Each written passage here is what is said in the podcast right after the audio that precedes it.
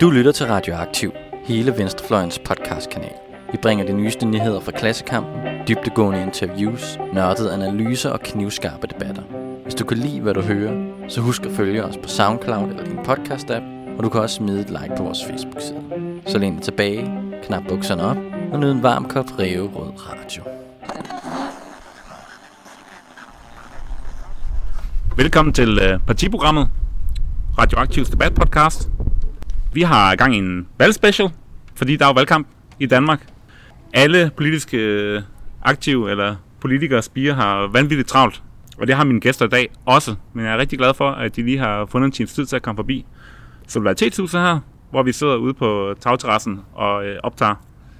Det er torsdag eftermiddag, den, hvad har vi, 24, Jeg har 23. holdt op med at kunne for mig. øh, vi er to uger inde i øh, valgkampen, lige godt og vel, og vi har stadigvæk to uger tilbage. Det er en historisk lang og opslidende folketingsvalgkamp, det her. Ja. Øhm, men øh, det kan være, at I lige vil øh, præsentere jer selv. Ja, øh, jeg hedder Rolf Bjerre, og øh, jeg stiller op for Alternativet her i København, hvor vi optager. Og øh, ja, det er super fedt. Det er det 10. 10. gang, vi mødes. Øh, så ja, jeg glæder mig. Ja, og mit navn er Karl Valentin, og jeg stiller op for SF her i København. Og jeg hedder Maj Villassen og stiller op for enhedslisten i Nordsjælland. Det er jeg glad for, at I kunne komme alle sammen. Øh, hvad hedder det? I har jo, som jeg sagde, har I jo vanvittigt travlt. Som, som jeg også nævnte, så har vi været i gang med valgkampen i to uger nu. Mm. Rolf, hvordan øh, går det med din øh, valgkamp egentlig? Jamen, øh, min valgkamp den her gang, nu har jeg prøvet, jeg prøvet det to gange før, så jeg var næsten rutineret, vil jeg sige. Øh, ikke alting går, som det skal, men, øh, men den her gang har jeg mere valgt at have sådan nogle forskellige sager, jeg kører, end at være i sådan en springe fra tue til tue valgkamp. Og det betyder, at jeg har ikke, altså jeg har debatter, og, men jeg har mest fagdebatter den her gang. Jeg har fået lov til Altså IT-politik eller? Ja, for mig er det IT, kryptopolitik og privatlivsfred og mobning af digitale, gennem digitale medier og alt det her. Øh, det er det, jeg interesserer mig mest for. Øh, så jeg har egentlig haft, jeg ser mere, jeg har sådan en sagsprojekt kørende valgkamp med fire projekter, jeg kører. Ja. Og det er noget 5G-politik, som vi er blevet færdige med, er blevet skide godt. Og det har været rigtig svært, fordi det er et polariseret miljø, hvor både DR øh, misinformerer, og dem, der hedder på den anden side misinformerer, og det, det er vildt svært at finde ud af, hvad der er ravl og det her. Så har jeg lavet lidt en sag med Paludan, hvor jeg prøver at lave noget med det. Øh, det går ikke så godt med den. Det mangler lige at få lidt kærlighed her til sidst. Og så det sjoveste, det synes jeg gjorde, da jeg hængte næsten alt. Jeg hængte 90 af mine valgplakater op på Israels plads. Øh, det samme sted. Så der ligger sådan en, jeg kalder den grønne, grønne stribe på Israels plads. Og øh, nogle er enormt sure, og nogle er enormt glade, og skolebørnene har fået lov til at male på dem nu, og det ender med at blive sådan helt... Øh, vi, får, vi får sgu kunst med i valgkampen den her gang, Mm. med et tema. Det synes jeg mangler. Fedt. Tror du, du kommer i Folketinget? Jeg troede, at Alternativet ville falde ned, så vi måske kun fik et mandat i øh, København. Og det må jeg sige, det var, man, øh, det var en dårlig tro, jeg havde, fordi det ser ud som om, vi i hvert fald beholder de to. Og jeg vil sige, med at vi beholder nummer to, så ser jeg, at jeg har en, øh, en reel chance stadigvæk. Mm. Øh, og vi er faktisk heller ikke langt fra at få den tredje. Og får vi den tredje, så begynder jeg faktisk at tro sådan mere end 50 procent på, at jeg kommer ind. Så, Ja. så jeg vil sige, mine chancer ser bedre ud end nogensinde, øh, vil jeg sige, denne her gang. ja, man kan vel sige, hvis man kigger på, hvordan det så ud for et halvt år siden, så går det ikke særlig godt for Alternativet, i forhold til, hvad jeg i hvert fald havde regnet med. Jamen, det er rigtigt. Jeg, jeg, jeg sidder lidt på de interne linjer, og havde egentlig regnet med, at vi ville gå længere ned. Ja. Øh, jeg synes faktisk, vi har præsteret at lave en ret god valgkamp, selvom vi er meget klan øh, strukturet, struktureret. Altså, man kan sige, at der mangler måske lidt, lidt central koordinering og samspil, men det gør så også, at vi er mere frie i de her klaner, vi nu render i, eller de her grupper, vi nu render i. Ja. Og jeg synes, det fungerer faktisk meget bedre, end jeg havde regnet med. Hvis du lige hurtigt skulle nævne en optur og en nedtur ved valgkampen, hvad, hvad skulle det så være? Øh, opturen for mig, det er de mennesker, som, sådan, som jeg ikke har snakket med i fire år, øh, eller i to år, som, som lige pludselig ringer og siger, hey Rolf, der er valg, øh, skal vi ikke lave noget? Altså de her person... De Altså andre kandidater, eller? Ja, det kan også være andre kandidater, eller tidligere, der er mange, der er gået ud af Alternativet, mister nogle medlemmer. Nogle af dem kommer tilbage her i valgkampen og hjælper med. Så jeg vil sige, at min optur, det er meget inde på det personlige niveau. Det er, meget, det er dem, der kommer tilbage og siger, hey, øh, lad os lave noget igen. Mm. Det, det, for mig, så har, jeg, så har jeg sgu gjort noget rigtigt, hvis mennesker vender tilbage. Hvad med nedturen? Øh, det, det, det kommer vi også til at tale lidt mere om senere. For mig er nedturen det politiske miljø og den demokratiske debats betingelser under det her valg. Okay. Det er for mig at se, at det, vi er virkelig et skidt sted i forhold til misinformation og i forhold til konsolidering af gode idéer og, og alt det her. Det, er- for mig er det faktisk rigtig, rigtig kritisk for vores demokrati, hvis vi ikke kan tale om ting. Alright, det kommer vi tilbage til. Øh, Karl, hvordan går det med din valgkamp? Det går rigtig godt. Der er sindssygt meget fart på i de her dage. Jeg farer rundt som en gal og tager paneldebatter og deler flyers ud og alt. Ja. Alt, hvad der hører med. Men øh, jeg synes virkelig, at vi har fået bygget en, en god organisation op, og der er rigtig mange frivillige, og vi har forberedt os godt. Så, øh, så det, det kan jeg godt mærke, og det, øh, det er rart, at der er sådan en lille smule struktur i det kaos, som valgkamp også er, hvor man Ja. hele tiden kan blive ringet op. Og du har sådan dit eget kampagneteam, der, der kører kampagne, altså personlig kampagne for dig, ikke? Ja, det Ja. har jeg. Det har jeg. Altså, vi er øh, øh, 10 i min valgkampsgruppe, som ligesom har forberedt os det sidste års tid. Øh, men så derudover, så har jeg bare en hel masse frivillige, som, som laver valgkamp for mig. Øh, men vi laver også for, for Pia, ikke? Mm. Øh, Pia Olsen Dyr, som vores spidskandidat. Øh, men, øh, men jo, jeg har ret mange, som er frivillige i min valgkamp, helt ja. sikkert. Fedt. Hvad, hvis du skal nævne en optur og en nedtur?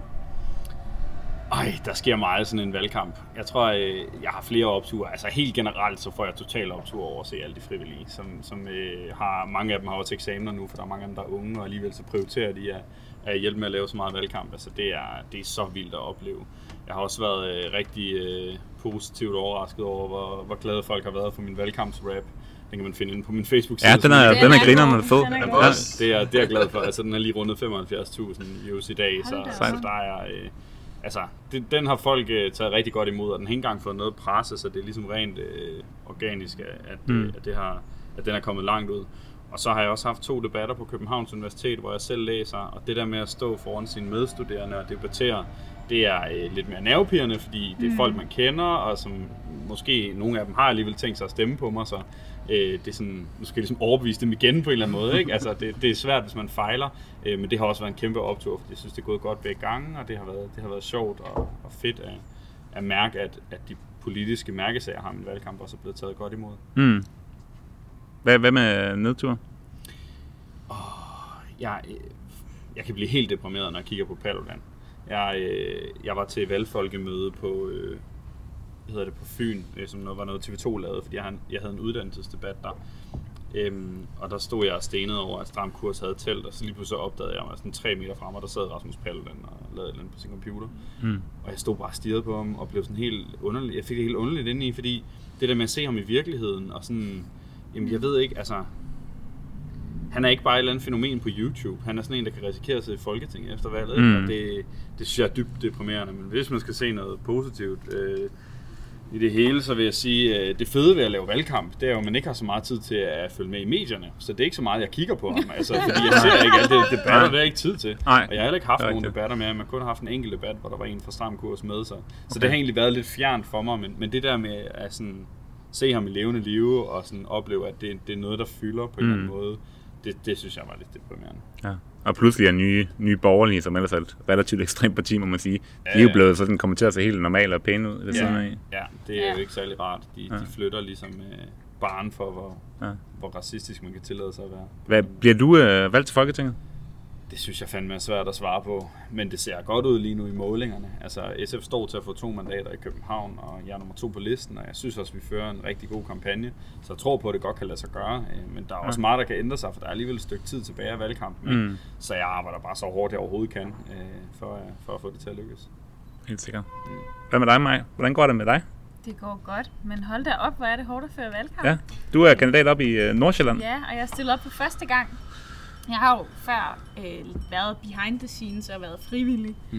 i mange, i flere valgkampe, øh, og har altid tænkt, nej ja, når de der opstillede brokker sig, så er det også, øh, hvordan det er så hårdt. Men det er det sgu. Der var faktisk en pige, der kom op til mig i går, en pige på sådan 7-8 år, og sagde, jeg tror ikke på, at det er dig på valgplakaten. Og jeg tænkte bare, det er fordi, jeg ser så træt ud.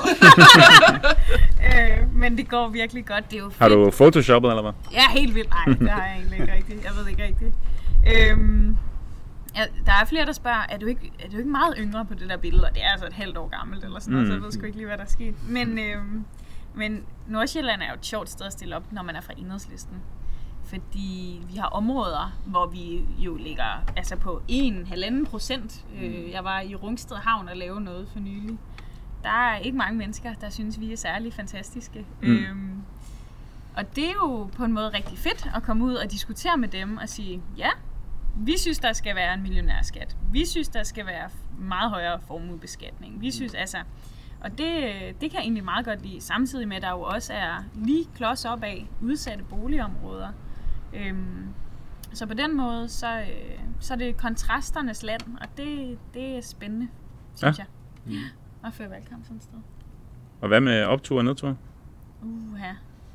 Jeg synes, man kan jo blive enormt deprimeret over, at det her valg ikke handler om klima og velfærd og alt det, vi synes, men om hvem der kan være mest ekstrem i sine ytringer omkring nydanskere. Øhm, altså, som du også sagde. Men jeg synes også, jeg bliver rigtig positiv efter debatterne, når der kommer primært unge mennesker op og siger tak, fordi at der er så mange, der, øhm, der taler vores sag, for det er, og det plejer jeg at sige ud til debatterne. Jeg kan godt forstå, hvis der, I er enormt bekymrede, men husk lige, vi er meget større end dem. Vi er meget større end dem. Altså, der var en måling, hvor, hvor enhedslisten stod ud til at kunne blive Danmarks tredje største parti og overhale Dansk Folkeparti. Ja. Det siger jo, at der, der sker også noget. Øhm, så det gør mig rigtig glad, mm. det Mm. vil jeg sige. Men øh, ja. Hvad er så nedtur? I går var der en, der kom og skældte mig ud over et eller andet med, jeg havde sagt om kontanthjælpsmodtagere og østeuropæere, jeg tænkte, det har jeg aldrig udtalt noget om. Og så var det fordi, at Mette Abildgaard, som også er opstillet i Nordsjælland, havde sagt noget.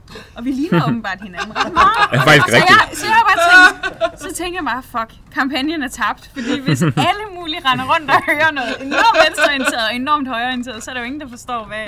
Så det tænker jeg lige, Men hun er meget vældig. Ja, i Nordsjælland. Ja. Hun er godt nok også sød. Det vil sige. det vil sige. Øhm, men der tænker jeg lige, fuck. Hun viste mig endda billedet. Se, det er dig, der har sagt det. Så sagde jeg bare, det der, det er ikke mig. øhm, så ja, det ved jeg ikke. En lille nedtur. Ellers så synes jeg, det går rigtig godt. Ja, okay.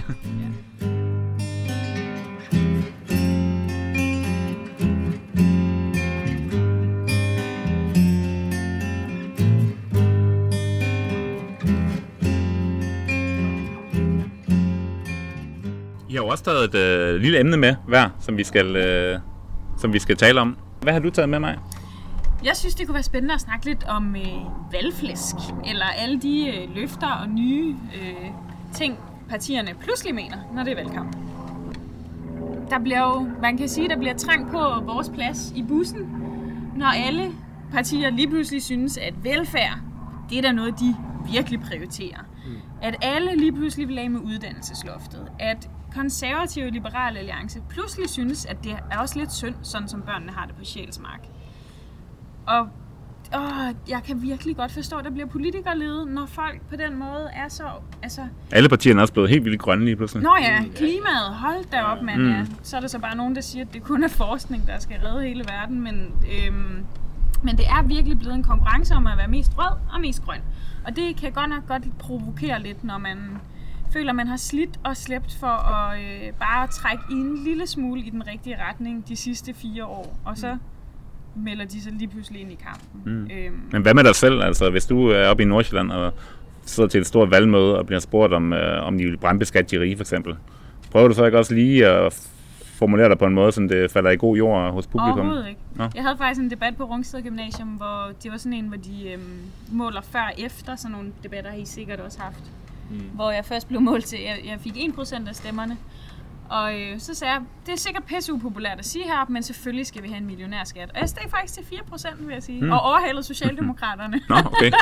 Så nogle gange betaler det sig at være ærlig. Ja. Og jeg læste faktisk en artikel i dag øhm, i A4, som jeg godt kan anbefale med en meget, meget øh, millionær mand, som sagde, at han synes, det var for latterligt, at der ikke var en højere skat hos de rige. Og det er der jo også nogen, der mener, men man bliver nødt til at sige det, for det er jo også tomme løfter, når alle mulige partier begynder at sige, at vi skal have flere penge til velfærd, uden at sige, hvor skal de penge komme fra? Og der er vi da meget tydelige på, der skal en større omfordeling til. Mm. Hvad med jer andre? Oplever I også øh, det her valgflæsk? Ja, men altså i, i høj grad, men for mig er politik jo det muliges kunst, og, og de fleste, der er dygtige til det, går til grænsen. Og hvis man ikke har nogle reelle løsninger at komme med, så må man jo, så må man jo sige noget, som lyder godt. Så for mig så er politik jo fyldt op af halve sandheder og det, som befolkningen gerne vil høre. Mm. Øh, Også fra din side? jeg går jo også til grænsen i min kommunikation, altså hvad jeg mener er etisk og moralsk kan, og jeg, jeg, jeg skal da ikke sige mig fri for ikke nogen gange at have, have, have drejet på en eller anden ting, så, som en uge efter, når jeg kigger på det, måske synes var, ah, det var måske lige spændt hårdt nok op, ikke? Fordi vi er jo på en eller anden måde nogle heste, der er sat på at skulle løbe hen mod det der målstreg, og vi vil jo gerne gøre det etisk og rigtigt, men vi vil også gerne hurtigt i mål. Så, så det er jo sådan en, det er jo en konstant udfordring, og man kan sige, være super ærlig, samtidig med at stå med nogen, der er for billige point på at gøre noget andet ved siden af. Mm. Men altså lige i mit tilfælde synes jeg ikke, det er så slemt, for jeg er jo sådan lidt nichepolitiker, eller fagpolitiker, eller hvad man skal kalde det. Så der er ikke rigtig så mange, der blander sig i mit rum, og hvis de gør, så, øh, så sidder der en masse kloge mennesker og siger, at øh, de skal tage og starte på ITU eller et eller andet. Mm. Hvad med dig, Karl? Pynter du også på, øh, på sandheden, når du øh, er i debatter? Eller hvad man kan sige, pynter lidt på politikken? Nej, det synes jeg ikke, jeg gør. Altså, jeg siger sgu bare, hvad jeg mener. Øh, nogle gange er det, jeg mener, ikke helt det samme, som SF mener. Altså, jeg, jeg går der lidt mere til kanten på nogle politiske områder, men det har jeg altid gjort, så det er der sgu ikke noget nyt i i forhold til valgkampen. Mm. Men jeg oplever, øh, jeg oplever ofte, at øh, altså, i de debatter, jeg har nu, der sidder nogle politikere, som virkelig bare øh, siger ja til nogle ting, som de ikke normalt vil sige ja til, og som partierne, øh, som de repræsenterer, heller ikke bakker op om. Altså øh, nu øh, en af mine mærkesager, det er, at man skal fjerne brugerbetaling på psykologhjælp. Øh, fuldstændig. Ikke kun for unge, som, som øh, vi har fået igennem i en masse kommuner, men, men for alle, der har behov. Ikke? Øhm, og det er også SF's politik. Øh, det øh, oplever jeg øh, alle partier i, øh, altså fra, i hele spektret øh, pludselig synes er fint ude i debatterne.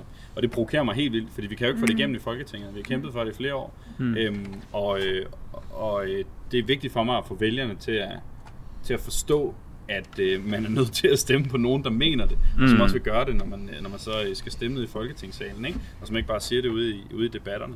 Og så er der også masser af de borgerlige partier, som øh, selv nævner klima i deres øh, introducerende runder. Altså når vi starter med, hvorfor er du i politik, ikke? og så Jo. nævner de Mm. klima, selvom de ikke har gjort en skid for det i overvis. Og, Ødelagt det i Altså, årevis. men det, og det, ja, ja, ja og, og, men, men noget af det fede, synes jeg så, det er, at selvom at de borgerlige godt har opdaget, at klima virkelig er på dagsordenen nu, så falder de igennem lige så snart vi når til substansen, fordi folk de forstår ikke, hvad det er for en udfordring, øh, man, man står overfor. De har ikke styr på tallene. Der, jeg har også oplevet borgerlige politikere, som slet ikke ved, hvad det vil sige, når man taler om biodiversitetskrisen og den sjette masseuddøen af art, dyre og plantearter og sådan noget, som foregår lige nu. Altså de der sådan, ting, som jeg synes er relativt øh, basale, hvis ja. man er optaget af klimaforandringer.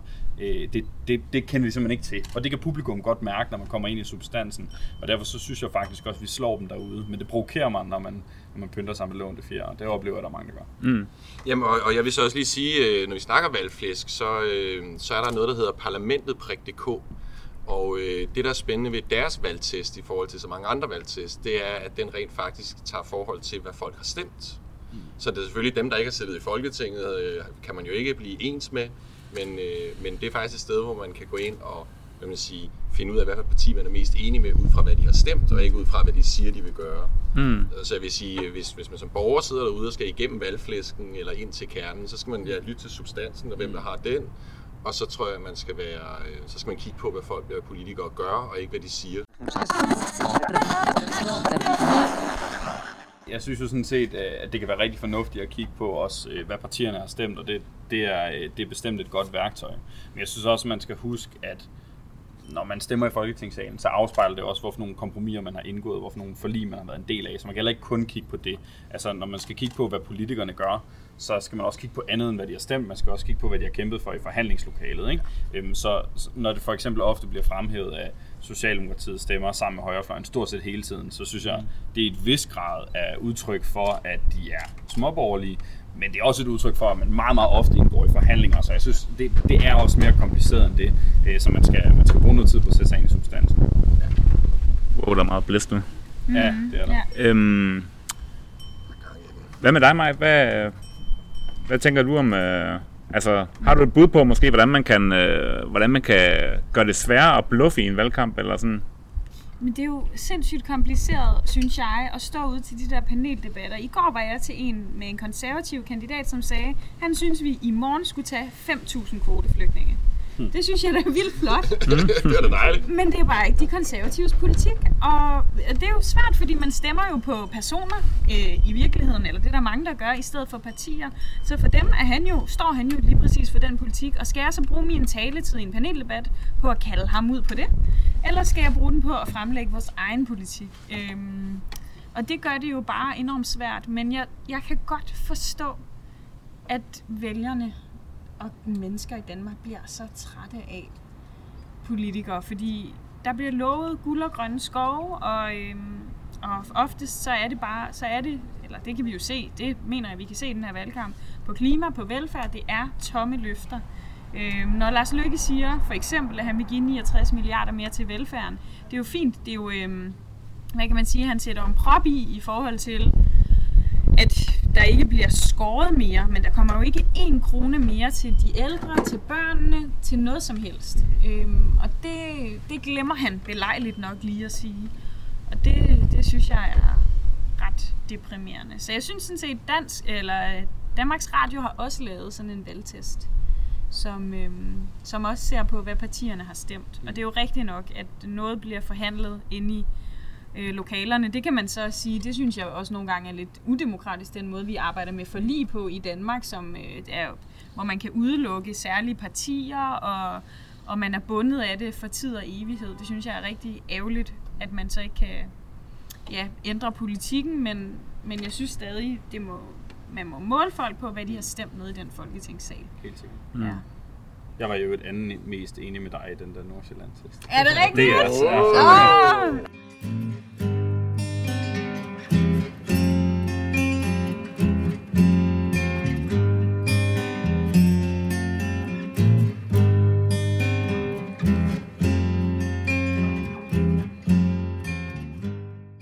Karl, du har jo også taget et øh, emne med, som vi skal snakke om i dag. Hvad er det?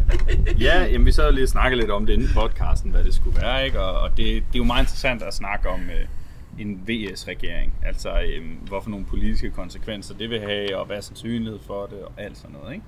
Øhm, og øh, jamen for mig at se, så, så jeg tror, det være en katastrofe for Danmark at få det. Øhm, Altså, at Socialdemokraterne, altså Mette Frederiksen og Lars Løkke går sammen og laver Ja. en regering Ja, helt sikkert. med Løkke som finansminister eller et eller andet. Ja, hvad de nu kunne finde på, ikke? Altså, øh, jeg tror bare, det vil blive den vildeste administrationsregering, der bare ikke gennemfører noget som helst progressivt, som holder stort set jamen, alt fast, hvor det er, ikke? En fortsat stram udlændingepolitik, ikke nogen særlig øh, øh, progressiv fordelingspolitik, øh, en klimapolitik, der sakker bagud. Altså, jeg kan ikke rigtig, jeg kan ikke rigtig se nogen områder, hvor det på nogen måde vil være, vil være interessant. Og det er jo også de to partier i Danmark, som er mest på sådan bare at bevare det samfund, der allerede er. Sådan som jeg ser det i hvert fald, det er min mm. vurdering.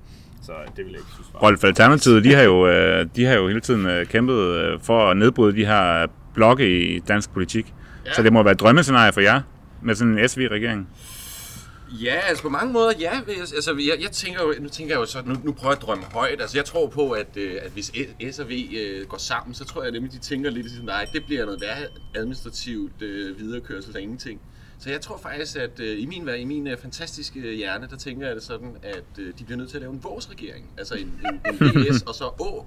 Fordi på den måde, på den måde, så, så har, så det ser ud som om, de godt kunne mangle et enkelt parti eller to for at få, øh, få styringen. Ikke? Så jeg tænker, måske bliver de nødt til det, og hvis de ikke bliver nødt til det, så tænker jeg, så kan de rende rundt og lave deres klassiske administration, eller være ryg på noget, og så kan de ligesom lade det grønne sige ud, og så kan de stå på hver sin side og tage æren for at løfte alternativet op, og så lige pludselig så kan de være ikke kun lånt, have lånt det fjerde klima øh, i en valgkamp, men faktisk er fire år, hvor de ligesom sådan langsomt bliver greenwashed, eller hvad er det, man kalder det, mm. Grøn, grønnificeret. Så, øh, så, så jeg ser voldsomt meget frem til et øh, samarbejde i vores regeringen. Vil du gerne det? Øh, øh, altså på nogen måde, jeg, jeg bryder mig ikke om, at vi bare kører videre med status quo og alt det her. Så på den måde vil jeg det ikke. Omvendt så ser jeg noget af den her polarisering kan betyde, at vi kan få nogle rigtig slemme konstellationer af regeringer. Altså jeg, jeg kan godt se nogle rædselsscenarier, jeg synes er væsentligt værre end en uh, VS-regering. Men om de fleste, de, de fleste af de emner, vi har snakket om i de her mange udsendelser i, i partiprogrammet, der synes jeg, at du øh, har nogle rimelig venstreorienterede synspunkter. Så jeg, altså, det vil da undre mig lidt, hvis du hellere vil have Løkke og Frederiksen end Frederiksen og Venstrefløjen. I regeringen. Eller hvad? Ja, Jamen, ja, det vil jeg selvfølgelig også. Det, Mm. mm. altså, det, det er der ingen tvivl om. Men, men, men hvis man nu skulle sætte det op som to, to modsætninger, der kan hedde en vores regering eller en øh, ræverød regering uden alternativet, Hmm. så ville jeg måske, så kunne jeg måske godt tage sådan lidt egoistiske og partimæssige årsager. Øh, godt Mm. se fornuftige. Det fatter det. jeg ikke. Det fatter jeg simpelthen ikke. Nej, Det kan jeg godt nok heller ikke. Det synes jeg godt nok er vildt. Men jeg er, jeg er øhm, Men Altså- I vil jo for det første blive fuldstændig smadret af det der, for så skulle I lægge stemmer til deres måske skattelettelser endda, og ikke særlig meget bedre velfærd, de, de er jo ikke særlig progressive på det grønne. Nej, jeg tænker lidt, man kunne få en rolle lidt ligesom DF, selvom man sad med i noget regering. Altså, at man ligesom ville være den der, der ville være udslagsgivende, og derfor ikke Men Dansk Folkeparti har haft den rolle, fordi de ikke sad i regering. Jamen, det ved jeg. Det, ved jeg. Tror du så ikke heller, at det vil tage radikale, end det vil tage jer? det tror jeg også er rigtigt. Mm. Det tror jeg også, du. Så det er, det Jeg er synes, det er vildt. Jeg, jeg vil sgu hellere have en røvrød regering, som totalt ignorerede SF, end jeg vil have en øh, VS-SF-regering. Altså, det må da være politikken, der er det afgørende, og ikke om ens eget parti er med. Ja, men det er også noget med, hvad man så kan sammen, ikke? Fordi jeg synes jo, jeg synes jo på Vesterfløjen i den grad mangler at konsolidere os. Altså, så jeg kan også være i tvivl om, der ligesom så går lidt hat og briller i den del. Mm. Men lige nu står venstrefløjen til at få det bedste valg siden 70'erne i Danmark. Og jeg tror, det er derfor, at Lykke har sagt det her. Det har ikke en skid at gøre med Paludan. Han har skrevet den her bog for længe siden. Ja, ja. Og hvad, hvad gør højrefløjen? Jo, hvis øh, der er en strømning mod højre, så synes de, det skal være den ultra mest højreorienterede regering, man kan få. Mere liberal alliance, ikke? Flere skattelettelser, øh, mere privatisering. Men nu kan han godt se, vind, altså, hvad kan man sige, der sker noget andet nu. Der er en ny bevægelse der. i gang, så derfor prøver han at samle på midten. Ja. Mm. Øhm, så jeg tror, altså det er derfor, det her sker, og det er derfor, vi på venstrefløjen, synes jeg, skal prøve at stå sammen. Øh, for, fordi øh, til sammen, vores partier, kan jo ende med at blive større end Socialdemokratiet og udfordre dem. Ja. Øh, og det er da det, der er målet, fordi så kan man ændre politikken. Han prøver også at fange nogle af de der midtervælgere, som Ja. måske synes, det kunne være meget spændende med en VS-regering på en eller anden Ja. måde, ikke? sådan som jeg ser det. Altså, øh, og, og så får han Mette Frederiksen til at distancere sig fra det projekt, og så virker hun ikke særlig fagnende, men han virker som den store statsfader eller sådan noget. Ikke? Altså, Mm. Øh, jeg tror også, det er meget det, det handler om. Men Hvem skal, så, pudsigt, hvem skal være statsminister, hvis det er de to? ja. Det kommer an på, hvem der bliver størst. Ja, det vil, øh, det vil er jo så meget, blive meget Socialdemokraterne. åbenlyst Socialdemokraterne, så det er sådan lidt underligt at sælge sig selv. Jeg tror måske, Lars godt vil have et job i EU. Ja. Ja. Men det kunne vel også være ufærdigt. Ja. Now you're talking. Jamen altså, både min, ja, min formand og jeg er enige på det her punkt. Den tager vi. Øh, Og så kan du blive Nej, IT-minister. selvfølgelig, selvfølgelig vil jeg gerne... Øh, ja, det kunne fandme være godt, at skulle få et IT-ministerium. Det har vi eddermame brug for. Men, øh, Det kan du jo blive uden... Øh... Jamen det kan jeg, og der, jeg vil, hvis vi endelig skulle tænke de høje tanker, som, øh, hvis jeg så sad som IT-minister, så ville jeg hellere sidde i en revrød regering end i en øh, SF, øh, undskyld, øh, Socialdemokrati og Venstre, øh, mm. Vores regering. Ikke? Mm. Men nu vi snakker om mulige regeringskonstellationer, altså, Ej, der er altså det, ser jo ikke, det ser jo ikke ud som om, at øh, lige nu, selvom at, at øh, Enhedslisten og SF øh, står stærkt, Alternativet not so much, øh, men så ser det ikke ud til, at jeres tre partier sammen med Socialdemokraterne øh, vil kunne danne regering. Så hvad tænker det, er det realistisk, er det at få øh, øh, radikale med ind igen, og vil det så ikke gå på samme måde, som det gjorde i de sorte tårn øh, i 11? Og, altså Jo, hvad ser. I af muligheder Altså, jeg for en synes, progressiv politik? Jeg synes godt nok, der er mange, der har glemt, hvad de radikale egentlig står for fordelingspolitisk. Det er jo helt skørt. Bare fordi man godt kan sige noget fornuftigt om uddannelse og flygtninge, så, øh, så er det som om, at man er venstreorienteret. Det, øh, det lukrerer de meget på lige pt. Øhm, Jeg ved ikke, hvordan det er i Nordsjælland, men jeg vil sige, her i København, der har vi heller ikke så mange debatter om øhm, arbejdsforhold og Nej. fordelingspolitik. Nej. Og når jeg for eksempel sidder i, jeg sidder i mange debatter med Ida Augen, ikke? Øh, fra Radikale nu, som er jo tidligere SF'er. Øh, vi ligner hinanden så meget i de debatter. Præcis. Øh, men det gør vores partier jo ikke på substansen. Nej. Altså i hvert fald ikke, når det kommer til fordeling og nogle af de spørgsmål, som jeg mener er nogle af de allermest afgørende. Ikke? Og så lyder hun også som en SF'er, fordi hun har været der i mange år. Og jo, Mm. synes jeg jo stadigvæk mener nogle, nogle okay fornuftige på øh, ting på mange områder. Ikke? Det kan godt frustrere mig lidt. Altså, så jeg synes også, at vi har et eller andet fælles ansvar for at minde om, hvor radikale faktisk står, når det kommer til de der, de der spørgsmål. Fordi, ja, fordi øh, jeg kan sgu godt huske, hvordan det var sidst. Ikke? Jeg var formand for SF Ungdom, da SF sad med i den der regering. Og øh, vi blev kørt over på nogle af de afgørende spørgsmål, fordi radikale ikke ville være med til at gennemføre noget af det, som var allervigtigst for os. Ikke? Mm. Så det, det kan jeg godt være bekymret for. Det ville fandme være stort, hvis vi kunne blive uafhængige af dem. Ja. Det ville være dejligt. Ja. Og hvis Alternativet så ville være med, ikke? Det, Mm. det ved jeg stadig ikke helt. Vi har jo nok nogle af krav. Øh, men Jo, jo. vi nok Det har vi jo det har alle alle. Det har vi alle Men, sammen. men Mm. jeg synes, det er interessant, at I jo har meldt ud i SF, at I gerne vil se en flerpartisregering. Mm. Fordi ja, det kan da bekymre mig, at hvis Mette Frederiksen sådan, Mm. så siger, ja, men det bliver med de radikale. Ja. Mm. Altså det, det, som SF ligesom har sagt, er, at vi synes, det er afgørende, at Mette Frederiksen undersøger muligheden for en flerpartiregering. Og det er fordi, jeg tror, at en regering vil være, vil være bedre, hvis SF er med. Altså helt klart. End en Også selvom SF sidder med sammen med radikale. Altså det lyder som noget, vi har set før. Det er jo svært at vurdere. Jeg synes, det kommer an på styrkeforholdet. Ikke? Øh, og jeg synes jo ikke, at SF skal gå med for enhver pris. Overhovedet ikke. Tværtimod, så tror jeg ikke, det er særlig realistisk, at vi går med. Øh, men jeg synes, det er vigtigt, at Mette Frederiksen ikke øh, altså sådan fuldstændig siger på forhånd, at, at det kan bare ikke komme på tale. At hun vil insistere på, at den skal være rent socialdemokratisk. Mm. Øhm, fordi jeg tror, øh, hvis vi får et flertal, hvor vi kunne blive uafhængige af radikale, så begynder jeg at synes, det kunne være interessant, om SF mm. kunne være med. Især hvis vi går ret meget frem. Altså, mm. Det ville være dejligt. Det ser jo godt ud i målingerne nu. Men en anden ting, som er en, øh, en meget varm kartoffel i, i dansk politik, hvor radikale jo står på samme side som øh, jeres partier, mm. det er jo udlændingepolitikken, yeah. øh, hvor, øh, hvor Socialdemokraterne siger, at de vil, øh, mm. at de vil altså holde øh, totalt fast i den øh, yeah. nuværende udlændingepolitik. Yeah. Øh, hvad tænker I om det, og vil, tænker I, at jeres partier vil øh, støtte sådan en regering, hvis man, hvis man kørte videre med Sjælsmark og alt andet lort, men så samtidig, eller så til gengæld fik lidt på øh, for eksempel den økonomiske politik? Nej. Jeg synes måske, at vi lige skal lave lidt lytteroplysning. Det kan måske lyde lidt groft at sige, men de radikale har faktisk været med til at blåstemple en masse dårlig udlændingepolitik, efter SF trådte ud af regeringen sidst, og så sad der jo en SR-regering. De lavede jo øh, noget lovgivning, som betyder, at man kan udvise folk til skrøbelige og usikre forhold. Det er derfor, at somalierne nu har mistet deres opholdstilladelse, og man kan se dem på Sjælsmark. Så man kan jo godt, øh, og det er jo også derfor, at der er unge mennesker i dag, som øh, er på midlertidigt ophold, fordi de skal ud af Danmark, som ikke kan uddanne sig. Det var også en del af den lovgivning fra 2015. Så man kan jo nok så meget sige det synd for folk på Sjælsmark. Men hvis man også selv har været med til at sætte nogle af dem der, måske uden at vide, hvordan Støjberg ville øh, fortolke lovgivningen, så synes jeg også, det er lidt let købt. Mm. Bare lige for sådan at sige, ja ja, de radikale er sgu gode, og ja, de svømmer mod symbolpolitik, men de har også været med til noget lort. Mm. Men, øh, men det er da klart, øh, Sjælsmark, kvoteflygtninge, det står højt på dosmersedlen hos os alle sammen. Ja. Og øh, det er uhyggeligt, synes jeg, at tænke på, at i 2007 havde vi også en valgkamp, som handlede om, om børnene skulle ud af udrejsecentrene, fordi alle psykologer siger, at det skader dem. Og hvad gjorde Anders Fogh? Han tog, han tog dem sgu ud, og så kan altså, ikke engang Mette Frederiksen melde det. det mm. er, jeg synes, det viser, at dansk politik har rykket sig et ret vildt sted hen. Men jeg har hørt, at øh, Pernille Schieber har sagt, at hun ikke har nogen ultimative krav til, øh, til Socialdemokraterne. Betyder det, at Enhedslisten vil støtte en, en øh, socialdemokratisk regering for enhver pris? Eller? Selvfølgelig vil vi ikke støtte for enhver pris. Det tror jeg ikke, der er nogen partier, der vil. Jeg tror, det er farligt at melde en hel masse ultimative krav ud, fordi sæt nu, vi får enormt mange indrømmelser på grøn omstilling og velfærd, og så der er et lille hår i suppen, som skiller os ad, at man så ikke kan sige, det skal være Mette, det bliver Lars i stedet for. Det vil gøre ondt på mig.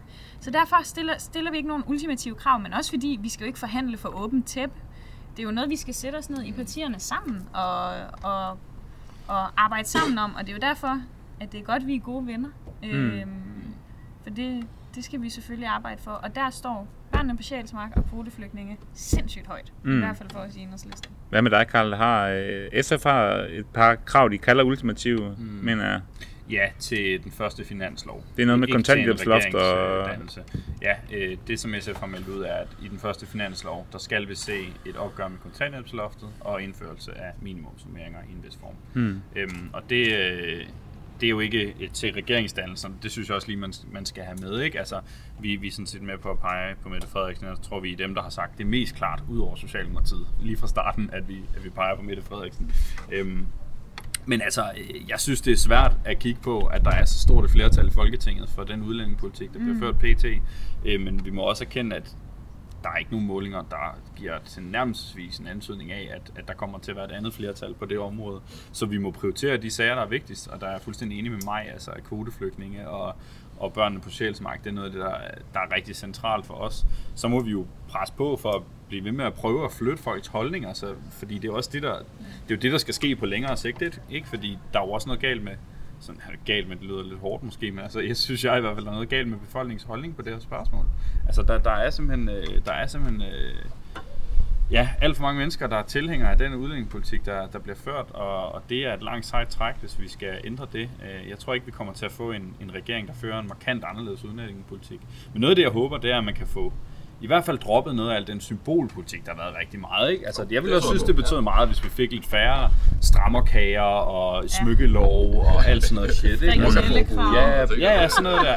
Altså, altså nå ja, men det, det, er sådan, det er ikke de helt store strukturelle ændringer, men, men det betyder stadigvæk meget for øh, holdningsdannelsen, hvis vi får øh, en regering, som i hvert fald ikke øh, fejre udlændingestramninger Ja. ja. Mm. og sådan noget på samme måde. Altså, øh, så, så, så jamen, det er nemlig super ulækkert. Så, så jeg tror, det kan godt blive bedre, men det bliver ikke, det bliver ikke godt øh, på udlændingepolitikken efter et valg. Det, har, det, det, det tror jeg ikke, man skal regne med, desværre. Men jeg tror virkelig, det er rigtigt, at den måde, man, man har fejret det Mm. mm. på fra, fra Støjbergs side med kager og Ja. alle mulige vanvittige øh, tællere på hjemmesiden om. Mm. Mm. På, på Integrationsministeriet har man en tæller. Ja. Altså det lyder om, hvor mange stramninger man kan lave. Det er helt skørt. Så jeg håber også, at der kan ske et ryg i måden, vi taler om tingene Ja. på. Fordi jeg synes, det er sindssygt at stå i debatter med nye borgerlige, hvilket jeg gør dagligt, hvor de for, prøver at male et eller andet skræmmebillede, når virkeligheden er, der har aldrig været så mange nydanskere i uddannelse, i arbejde, og kriminaliteten er rekordlav. Så jeg, altså, det går meget bedre, og jeg synes, det er som om, når man snakker udlændingepolitik i den her valgkamp, så hver gang man nævner en minoritetsetnisk dansk ung, som gør det godt, at så er det sådan en eller anden succeshistorie. Nej, det er bare et helt almindeligt ung menneske. Mm. Øh, og, og sådan, åh, det er jeg fandme Jeg- træt af. jeg tror også hele det her, vi snakker om, med hvad for en øh, regeringsdannelse der kommer, og hvem der har hvad for nogle krav og alt sådan noget. Altså en, en stor del af det er jo også at prøve at tale ind til den pragmatiske vælger, og prøve at stille dem en eller anden virkelighed op, som de så kan stemme pragmatisk ind i. Eller, og, og, så jeg tror også, man skal tage mange af de her ting lidt med et gram salt. Mm. Altså de her, øh, jeg tror mere, det er en positionering for at kunne stille sig rent på menuen. Men hvad er det vigtigste for Alternativet, vil du sige, sådan rent substantielt? Altså, hvis vi ser bort fra hvem, der får regeringsmagten, hvad er det så det vigtigste spørgsmål for jer? Nå, men det er jo, det er jo klima. Altså, vi, vi Ja. mener jo, at vi er højest på klima, og vi har været ude med det her med, at vi skal stoppe med at hive øh, olie op af Nordsøen, og har lavet nogle forslag, som er en smule mere end de andre, vil vi jo påstå. Øh, og det er der også nogle forskellige forskere og sekretærer, der har kigget på og siger, at sådan er det. Mm. Så det er, jo, det er jo det grønne superministerium, og så jeg er meget strukturelt øh, forordnet, så er det hele den her idé om, hvordan vi skal organisere Folketinget anderledes, som jeg synes er det mega spændende. Ja. Men et grønt superministerium ville, øh, ville passe perfekt ind i vores regering, og i en total ræverød regering. Ja. Øh, Det tror jeg også, vi andre er enige i er en god idé.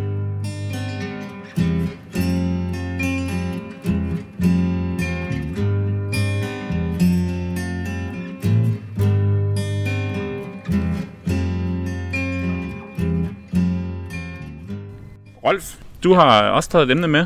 Ja, det har jeg. Øh, og hvad er det for et emne?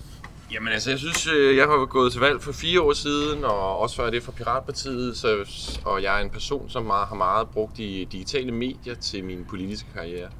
Og øh, jeg synes, jeg kan, det emne, jeg har taget med, det er polarisering og den manglende solidaritet og konsolidering i vores samfund. Og, og min oplevelse er, altså, det er jo noget andet, man er ude i virkeligheden og går til debatter og hænger valgplakater op og alle de andre ting, men jeg synes, vi bruger større og større tid på det i det digitale miljø, når vi har demokratiske debatter. Jeg synes, at rummene for det er blevet ekstremt meget værre end for fire år siden, eller end for seks år siden.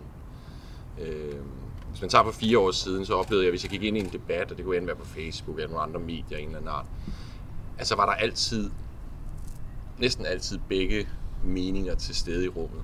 Og i langt største grad af de rum, jeg går ind i i dag, der, der er der kun én holdning til stede. Og, og det synes jeg er pisse farligt. Jeg oplever også, at noget man snakker om i en boble, ikke bliver talt om i en anden boble, eller hvis det bliver, bliver det talt om på en helt anden måde. Så vi får sådan et diffust øh, mediebillede, og på en eller anden måde, så får vi også, altså for mig at se, at det er virkelig svært at nærmest have en demokratisk debat efterhånden. Mm. Altså, der er udviklet 5G-politik nu her. Der har DR været ude og lave jeg vil sige, kraftig misinformation om, hvad det er, vi har lavet. Og de har selvfølgelig prøvet at gøre deres bedste arbejde og alting, men det er lidt ligesom om, at det handler ikke om, hvad der er rigtigt og godt længere. Det handler om, hvad der er hurtigst og først. Ikke? Mm. Øhm, og jeg vil gerne have mere substans. Jeg vil gerne have demokratiske samtaler tilbage. Øhm, og det har jeg selvfølgelig en masse løsninger på på digitalt niveau, men jeg synes, det er kritisk for, for et demokratisk synspunkt, at vi... Altså, hvordan skal vi finde gode løsninger, hvis vi ikke kan tale om det? Mm. Nej. Jeg synes, altså, i hvert fald det, at vi er i nogle ekokammer, det er jo helt evident. Det kan jeg også se på min egen Facebook. Den er fyldt med ene venstreorienteret propaganda og ikke særlig meget andet. Men det er jo problematisk, når det er et, et, stort virksomhed, som i virkeligheden fi, altså, faciliterer vores demokratiske mm. samtale. Det er jo Facebook, der gør det. Og deres algoritmer tilsiger, at folk skal være der så længe som muligt, så de skal kun, øh, hvad kan man sige, eksponeres for noget, de godt kan lide. Ja, noget de er virkelig bange for. Det er Eller noget, der de er underholder dem, eller får dem for. til at blive ved med at kigge. Ikke? Ja, Altså, og det er jo- YouTube er jo dybt radikaliserende, fordi, man, fordi de ligesom hele tiden sender folk til noget mere og mere ekstremt. Mm. Øh, så du går fra, altså det ved jeg ikke, videoer om DIY et eller andet mm. til Paludan eller sådan noget. Altså, Tre klik. øhm, Og det er fandme uhyggeligt. Og hvordan vi gør noget ved det, det, det, det tror jeg sådan set også kun venstrefløjen har et svar på, fordi det, der skal et eller andet kontrol til. Men det er, det er godt nok uhyggeligt, at vi er gået fra at have en ligeværdig demokratisk samtale i vores landsbyfællesskaber og over nogle medier, som måske er mere styret til. Og der, der var selvfølgelig også ekokammer, men nu er det bare nu er det bare helt vildt udtalt og uden for vores egen kontrol. Det er farligt, mm. synes jeg. Karl, du var også med for fire år siden i, i valgkampen, hvor du, hvor du var kandidat på Fyn. Mm. Oplever du også, at, øh, at, øh, at det hele er blevet mere polariseret, eller? Det synes jeg faktisk er lidt svært at svare på. Altså, jeg, jeg er med på, at øh, nu har vi fået sådan nogen som Paludan ind i gamet og alt det der, ikke? Altså, der er ikke nogen tvivl om, at, at det, er, øh, det er meget polariserende. Men jeg tror heller ikke, at man skal, man skal tænke på den tid, vi lever i, som meget ekstrem i forhold til polarisering og, og ekokammer. Altså, man har også set, det så ikke fire år siden, men, men noget længere tilbage i tiden, og har partiaviser jo været meget almindeligt, og, og information, som er øh, øh, meget anderledes end det, man er vant til, har været meget mere svært tilgængelig. Altså, jeg vil sige, det der er sket med internettet, er jo også, at man kan finde information om alle mulige bevægelser, som man normalt ikke kunne komme så tæt på. Mm. Så jeg synes ikke, det er så, så ensidigt. Jeg synes, det, det er en svær... Øh, ja, det er en svær diskussion. Øh, det må jeg sige. Det, men det har du helt ret i, fordi i dag er politikere også tilgængelige på en anden Mm. måde. Og Helt det er jo en kæmpe styrke for demokratiet. Så på den måde er der jo rigtig mange fordele også ved, Mm. at man kan, hvis man ja, gerne vil det, kan grave ned i en debat øh, om noget, som man ikke lige måske kender nogen, der Mm. ved noget om. Men det der med, at store virksomheder faciliterer debatten, det Ja. synes jeg virkelig du ret i, det er et stort problem. Altså så sent som i, i går, der stod jeg med en kammerat og snakkede, og så fik han lige en notifikation på sin telefon, kiggede på den, og så var det YouTube, der opfordrede ham til at se en video med Rasmus Paludan. Og han følger ham ikke. Men det er fordi, øh, han har set en del af hans videoer der, og så ja. har YouTube ligesom sådan en form for algoritme, hvor den giver notifikationer om, du måske synes, det var spændende at se det her. Ikke? Øhm, og, øh, og det gør den jo bare, fordi øh, han skaber ravage, og folk synes, det er interessant, fordi man bliver provokeret af det. Ikke? Øhm, jeg havde også en, en mærkelig oplevelse for nylig, øh, fordi lige her op til valget, øh, der kunne jeg ikke få godkendt øh, af Facebook, at jeg skulle have lov til at annoncere. Øhm, man skal nemlig få sådan godkendt Der var lige kommet nye regler. Ja, der var en, og det vidste jeg godt, og jeg Ja, havde ja, været ja. tidlig ude også. Øhm, men jeg Jeg kæmpede med dem. bagud. Jeg kæmpede med dem i, i næsten en måned, øh, hvor jeg ikke kunne annoncere lige op til valget, hvor jeg faktisk planlagt at annoncere, annoncere rigtig meget. Jeg frigav min valgvideo, som jeg ikke kunne putte penge i og sådan noget. Og, øhm, og, og det jeg oplevede, som jeg synes var, var ubehageligt, det var at stå i en situation, hvor man ikke har nogen rettigheder. Fordi jeg kunne, ikke, jeg kunne ikke ringe til Facebook. Jeg kunne ikke skrive til Facebook, uden at få en autogenereret, autogenereret robot-mail tilbage. Ikke? Altså, nå, men der, var ikke sådan, der, var ikke noget, øh, der var ikke noget kontakt med nogen menneske, og jeg havde ikke noget, nogen ret til ligesom at få hjælp eller svar. Og den eneste grund til at blive godkendt, det var fordi øh, SF på Christiansborg så har øh, helt unikt en særlig mailadresse på en fra. Facebook, som kunne hjælpe mig, ikke? og så lykkedes det. Øh, men, men det der med, når man står over for de der store virksomheder, som har så meget magt, øh, det synes jeg er, øh, er sindssygt ubehageligt. Og den eneste grund til, at, at vi accepterer, at vi ikke har nogen demokratisk indflydelse på det, der foregår, det er jo bare fordi, det foregår på markedet. Ikke? Mm. Og der synes jeg virkelig, at at der, er, der skal jo et stort opgør til, ikke? i forhold til hvem der, der bestemmer på de platforme der. Det er jo rigtig godt, kan man sige, at i, i kampen mod fake news, så er man begyndt netop fra Facebooks side at skrive, hvem der betaler mm. de her reklamer. Ja, ja. Det er sådan set meget godt. Men problemet er jo, der er jo også, altså, for vores partier, jeg ved ikke med jeres, men jeg går ud fra, at det er det samme. Vi har, altså, vi har jo ikke stærke pengemænd i ryggen. Og Facebook, som er den platform, hvor flest vælgere er på, de, de lever jo af at tjene penge på reklamekroner. Så nogle partier, ja, det ved jeg ikke, for eksempel konservativs Pernille Weiss, der stiller op til Europaparlamentet, hende ser jeg ret ofte, fordi hun bare, hun må have mange penge. Fordi det er jo sådan nogle kampagnekroner, der bare bliver proppet i. Og det er jo også, øh, det vi, altså, det er, jo, det er jo simpelthen snedet sig ind i vores lommer og i vores telefoner, de der reklamer, som, øh, som jo bare betyder, at nogen får lov til at fylde meget mere i en valgkamp end andre. Har I nogle bud på, hvordan man kan styrke den demokratiske samtale, øh, hvis man skulle Altså, hvis vi, siger, hvis vi anerkender, at det er et problem, at, øh, at øh, det er så fragmenteret det hele, har I nogle idéer til, hvad man kunne gøre? Vi skal lade være at skære i vores public service. Ja. Der skal tværtimod flere penge til. Yeah! Have nogle, altså et uddannelsessystem. Altså Danmarks Radio og 24-7 Ja, og... ja, ja, ja. for dalen. Lad være at skære så meget i vores uddannelser. Sørg for, at der er politik og samfund fylder meget mere der Ja. også. Og ja, Jeg kunne rigtig godt tænke mig en øh, kodaordning til journalister også. Altså ikke kun til musik og, og sådan nogle ting. Altså, hvor de fik penge, hvis deres øh, artikler blev brugt af andre, eller sådan et eller andet. Jamen præcis. Ja. Altså at man lavede en, en ordning, sådan at øh, vi havde alle sammen den normative gratis adgang til medier, men staten øh, brugte nogle penge på at åbne op for noget større end en silotænkning af, af public service. Ja. Øh, og det, det er jo det, internettet er skabt til at kunne sådan nogle ting. Så, mm. så man kan sige, jeg kan sagtens se nogle modeller, hvor vi både kan arbejde med reklamer i politik på en normativ måde, og jeg kan sagtens se nogle måder, hvordan vi kan få styrket journalistikken, øh, uden at den skal opføre sig inden for DR's rammer eller, eller andet silotænkende public service. Okay.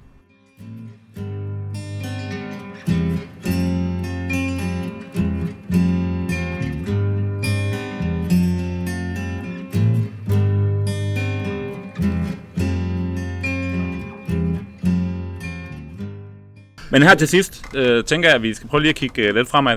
Hvad skal du lave, øh, Maj, de næste par uger? Det er bare, kører bare på med paneldebatter hele tiden. Og... lige om lidt skal jeg op og diskutere i Gilde Leje med Morten Messerschmidt, så det prøver jeg lige at tune, Uh, ja. tune ind på. Det plejer at være spændende. Sidst, da vi diskuterede klima, så sagde han, I skal bare spise mere kød, og I skal bare flyve mere, og I skal bare, Det er fedt. I skal bare køre mere bil, fordi så finder markedet jo nogle gode løsninger på klimaforandringerne. Ja. Og øhm, det eneste gode, man kan sige ved det, er, at han jo udtrykker sin ærlige mening, Ja. og ikke skjuler det. Men øh, det er jo lidt uhyggeligt, men det skal nok blive spændende. Men ja, det er jo det, jeg laver. Altså, øh, Nordsjælland er højrefløjens højborg, Mm. så Hammer, Samuelsen og alle de der, dem, øh, dem skal jeg op og slås med nogle dage nu, ja. indtil øh, valget Men du kan godt holde øh, dampen op, tror du, i, i næsten to uger endnu. Jeg vil sige det sådan, da, da en sagde til mig den anden dag, at nu er vi halvvejs, så tænkte jeg, what, er det først nu? Ja, præcis. Sådan havde det også. så, øh, men ja, det selvfølgelig kan det. Ja. Selvfølgelig kan det. Og for fanden, vi går frem. Og det er jo... Altså det er jo? Ja, og Ja. det er jo et skide... Altså, det, det håber jeg da i hvert fald. Det ser jo sådan ud i meningsmålingerne. Så er spørgsmålet, hvor meget man kan stole på dem, men det er jo en god drivkraft. Det må Mm. være lidt hårdere at være venstremand i de her Mm. dage og tænke, nå, den er, ja, den er næsten, måske næsten... Det er næsten forbi for os, og Mm. Lars Løkke er allerede ved at gifte sig med en anden. Det må være lidt... Mm. Øh, SF står jo også til en øh, helt vild fremgang. Jeg ved ikke, om man ikke skal jinx sig noget, men, men altså, det skulle gå ret galt, hvis ikke, at, øh, hvis ikke I fik væsentligt flere mandater ind, øh, end, Ja, end det ser godt ud lige ja. nu. Det er sindssygt dejligt. Ja. Det, er, Det, det må også give noget ekstra energi. Det giver helt klart ekstra energi. Ja. Det er der ikke nogen tvivl om. Og jeg synes også, øh, udover at man kan kigge på målingerne, så kan jeg også godt mærke på folkestemningen, når, stemningen, når jeg er derude, at folk er meget positive over for SF. Det er bare noget andet at dele flyers ud i 2019, end det var i 15. Altså, mm. Så det er, øh, det, det er sindssygt fedt. Ja. Og øh, de kommende dage, nu spurgte Ja, du ind til ja. det, hvad skal vi lave? Jamen altså, øh, nu lige om lidt, der skal jeg ud og stå og fikse folks cykler på gaden, lave noget aktion, og så skal jeg nok også forbi noget øh, musik øh, mod racisme, hvis jeg kan nå det. Mm. Øh, og så har jeg en debat ude i øh, CBH Village senere, som TV2 også dækker, hvor vi skal diskutere klima og unges øh, psykiske øh, problemer og sådan noget. Så det, Og det var, og det var bare i dag, ikke? Jo, det er i dag. Ja. Jo, altså, ja, ja, Det var, det var også virkelig svært at finde en dag, hvor jeg alle sammen kunne, øh, Ja, kunne samles. det øh, sådan ja, det, jeg hjerner afsted de her dage. Noget af det, som øh, på en måde er meget rart, det er, at øh, den sidste uge, 10 dage af valgkampen, der øh, kommer der ikke til at være så mange debatter. Og jeg kan godt lide generelt debatter. Jeg, synes også, jeg tror også, det er noget, det får rigtig meget ud af. Mm. Men øh, fordi øh, der er eksamensperiode, så er der nærmest ikke noget på nogle uddannelsessteder. Og det tror jeg faktisk bliver meget rart, fordi det giver bedre tid til at være på gaden med de andre aktivister, og øh, lidt mindre tid, hvor man er meget på. Altså jeg synes det der med, at stå foran et publikum øh, 6 timer for eksempel i løbet af en dag, det har jeg prøvet flere gange. Ikke? Jeg har tit tre paneldebatter på en dag. Det er, det er hårdt øh, mentalt, synes jeg, at skulle være så meget på. Hmm. Så det der med at få lidt mere plads til bare at være på gaden og, og sådan noget, øh, lave aktivisme på den måde, det glæder mig ret meget til. Ja. Øhm, ja, og så, så fortsætter jeg bare med at give den fuld smadre også på sociale medier og alt, hvad der ellers foregår. Hvad med dig, Rolf? Øh, Hvad, hvad er dine planer de næste par uger? Jamen, jeg har faktisk, jeg, jeg trækker mig øh, faktisk i weekenden, for ja. jeg skal være sammen med mine unger. Det glæder jeg mig helt vildt meget Ja. til. Det, øh, Dejligt. det har jeg ikke Ja. fået, det har jeg ikke fået set nok i den her valgkamp, og det kan jeg mærke. Det, det, det, jeg, det vil være et vildt sted med det. Sådan har jeg faktisk ikke haft det før. Nej. Øh, men der er også næsten gået, der er næsten gået to uger, hvor jeg ikke har set det. Ja. Det, er, det, det, det er sgu voldsomt. Ja. Så det trænger jeg rigtig meget til. Så jeg glæder mig til at have en weekend med dem. Øhm, og så har jeg så har jeg lavet det her, så har jeg lavet sådan noget, øhm, så har jeg nogle debatter, og jeg har det der nede på Israels plads, hvor jeg skal lave noget med, med min plakat, hvor folk kommer med en plakat over på søndag.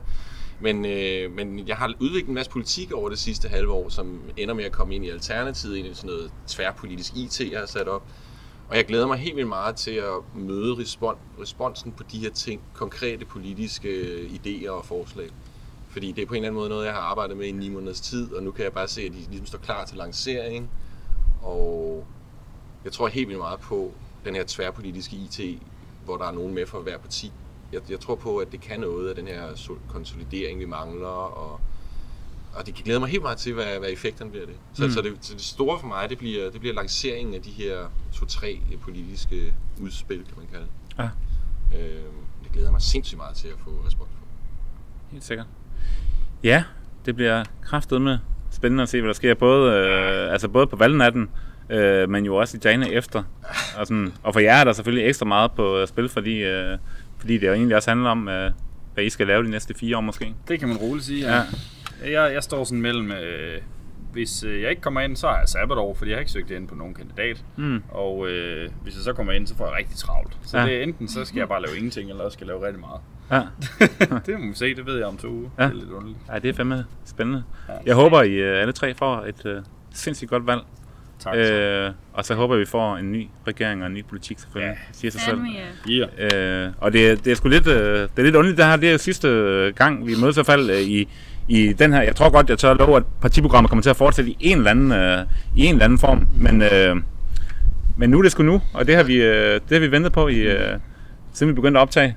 Øh, så ja, mega meget held og lykke. Tak. Og så her til allersidst, så kan I lige få lov til, øh, hvad hedder det, at få to minutter, hvor I kan fortælle lytterne, øh, altså hvorfor de skal stemme på, på lige nøjagtigt, lige nøjagtigt jeres parti. Mm. Og jeg tænker, at vi øh, bare tager det alfabetisk efter øh, partibogstaver. Det var da dejligt. Ja, så du får lov til at starte, Karl. Det er jeg glad for. Værsgo. Jamen, jeg håber, I vil stemme på mig og på SF, hvis I bor i København. Det er der flere forskellige grunde til. Øhm, vi tager klimakrisen meget alvorligt. Det er vigtigt, at der kommer handling i forhold til det. Vi skal have en bindende klimalov. Vi skal øh, sørge for, at det bliver lettere at transportere sig bæredygtigt. Det bliver lettere at spise bæredygtigt. At vi i det hele taget indretter vores politik på en måde, hvor at det er at træffe de grønne valg, det er, øh, det er åbenlyse og ikke noget besværligt så øh, er der brug for nogle flere politikere på Christiansborg, som er systemkritiske, og det prøver jeg at være. Jeg gør alt, hvad jeg kan for at kæmpe for mere lighed og udfordre det kapitalistiske system.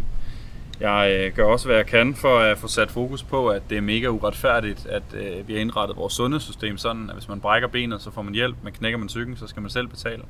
Og øh, jeg har kæmpet utrætteligt for gratis psykologhjælp i mange år, og nu er det også SF's politik, det er sindssygt dejligt, og den dagsorden, den vil jeg rigtig gerne ind og løfte på Christiansborg. Det gjorde jeg sidst, jeg var derinde, hvor jeg, jeg havde faktisk tre uger, hvor jeg sad i Folketinget en, en kort periode, hvor vi fik indført gratis psykologhjælp for de 18-20-årige. Nu synes jeg, tiden er kommet til, at det kommer til at gælde hele befolkningen. Og så synes jeg også, det er vigtigt at stemme på et parti, der, øh, der har nogle store øh, idealer og nogle stærke værdier om, om grundlæggende forandring, men som også er villige til at gå ind på, indgå kompromiser og sætte sig ved forhandlingsbordet. Og der synes jeg, at SF øh, er, er et godt sted i balancen mellem idealisme og pragmatisme. Så, så det er nogle af grundene til, at jeg synes, man skal stemme på mig og SF. Og så håber jeg uanset, hvilken parti man stemmer på, at man husker at stemme personligt, fordi det betyder rigtig meget for, for hvem der kommer ind. Ja, super. Tak for det. Men det var så let. Øh, mig, ja. hvorfor skal man stemme på enhedslisten? Jeg synes selvfølgelig, man skal stemme på enhedslisten her øh, til folketingsvalget. Man skal stemme på enhedslisten, fordi vi efter min mening har lavet Danmarks bedste klimaplan. Og det er en klimaplan, som ikke bare lever op til Paris-målsætningerne, men som faktisk også er socialt retfærdig. Det vil sige, at der er nogen i vores samfund, som skal betale noget mere for den grønne omstilling. Det bliver dyrere at flyve, men så bliver det meget billigere at køre i bus og tog. Det bliver dyrere at køre i diesel- og benzinbil, men til gengæld så giver vi kontant tilskud til elbiler og for mange flere af dem. Og så skal vi have omlagt landbruget. have meget mere vild natur, og så skal de virksomheder, som ikke i dag betaler for den grønne omstilling, de skal også betale ved kasse 1. For det haster, og det er nu, der skal ske forandring. Så skal man også stemme på enhedslisten, fordi velfærden altid har været noget, vi har kæmpet for og forsvaret. Der skal flere sygeplejersker på sygehusene. Der skal minimumsnummeringer og flere pædagoger i børnehaver og vuggestuer, noget vi har kæmpet for siden 2011. Der skal ikke lukkes folkeskoler, men pengene skal tilbage til både skoler og videregående uddannelser, og der skal selvfølgelig være mulighed for, når man bliver gammel, at kunne gå på pension, inden man er alt for nedslidt, men også at få mulighed for at få en plejehjemsplads. Mm. Og til sidst, så vil jeg gerne sige, at lige nu er der en hets imod mennesker i Danmark, som øh, er, har en minoritetsetnisk baggrund. Og der har vi altid i enhedslisten stået på deres side. Fordi for os, der er alle mennesker lige, uanset hudfarve eller religion, eller hvor man oprindeligt er født. Derfor skal vi også selvfølgelig have børn ud af sjælsmark og tage kvoteflygtninge. Og i enhedslisten, der tør vi godt pege på, hvor pengene skal komme fra. Det er nemlig fra dem, der har aller, aller mest i vores samfund. Og derfor har vi også kontinuerligt kritiseret finanssektoren, øh, som lukrerer på vores allesammens fællesskab. Så mm. øh, enhedslisten, det er et parti, man kan stole på, også handler på det, vi siger under valgkampen. Derfor skal krydset sættes ved os. Tak for det. Og øh, Rolf, hvorfor skal man stemme på Alternativet eller på dig? Jamen altså, man skal stemme på Alternativet, fordi at vi er de grønneste af alle, man kan stemme på. Øh, og øh, vi har virkelig brug for, at den grønne dagsorden kommer meget i fokus. Vi skal, man skal stemme på Alternativet, fordi vi mener, at vi skal have et øh, superministerium, altså et grønt superministerium, som er centralt, så det ikke er Finansministeriet, der ligger centralt længere. Altså klima er simpelthen vigtigere end penge efterhånden. Øh, så man skal stemme på Alternativet, fordi man ved den øh, grønne dagsorden seriøst, og man ikke kan få nok af den. Mm. Øh, og det er det, man skal nu. Øh, så, skal man, øh, så skal man så også stemme på Alternativet, fordi man har den her nye struktur i Folketinget. Øh, vi snakker om at lave øh, hvad man siger, nogle forskellige ekstra kamre, en videreudvikling af det her borgerforslag, som gør, at øh, borgerne kommer meget mere med i det politiske arbejde, end det er i dag. Det er blandt andet en tanke, at det skal være en omkring det med superministerierne og den nye op, øh, opsplitning af tingene. Så en helt ny struktur på Christiansborg, hvor borgerne er meget mere med i spillet og, øh, og kommer meget mere med, end hvad borgerforslaget har åbnet op for. Så det er derfor, man skal tage øh, Alternativet at stemme på. Og så skal man tage Alternativet at stemme på, så vi selvfølgelig kan få den her øh, våsregering, eller endnu bedre, øh, som vi har snakket om før. Og øh, så skal man også stemme på Alternativet og på mig, øh, hvis man mener, at digitale rettigheder er noget, vi bør have i vores land. Fordi vi har som øh, det eneste parti øh, udformet øh, digitale borgerrettigheder. Og det er sådan set syv one-liners, og hvis vi indfører det som digitale rettigheder i vores samfund, så kan vi slippe af med overvågningskapitalisme, de store tech-mastodonters indvirkning i vores demokratiske virke, og vi kan rent faktisk få et digitalt demokrati, hvor folk ikke bliver misbrugt. Øh, og så skal man stemme på mig, hvis man mener, at der skal være et IT-ministerium, fordi at øh, jeg vil uden tvivl blive Danmarks bedste og første IT-minister. Yes. Øh, jeg ved ikke så meget om politik. Øh, noget ved jeg da, for jeg har gået det længe, men jeg ved nok mere end alle politikere om IT, er min påstand. Det tror jeg, du er ret i. Tak for det. Øhm, ja, så er der vel bare tilbage at sige til lytterne, at øh, husk nu for helvede at stemme. Vi lyttes ved på et øh, senere tidspunkt.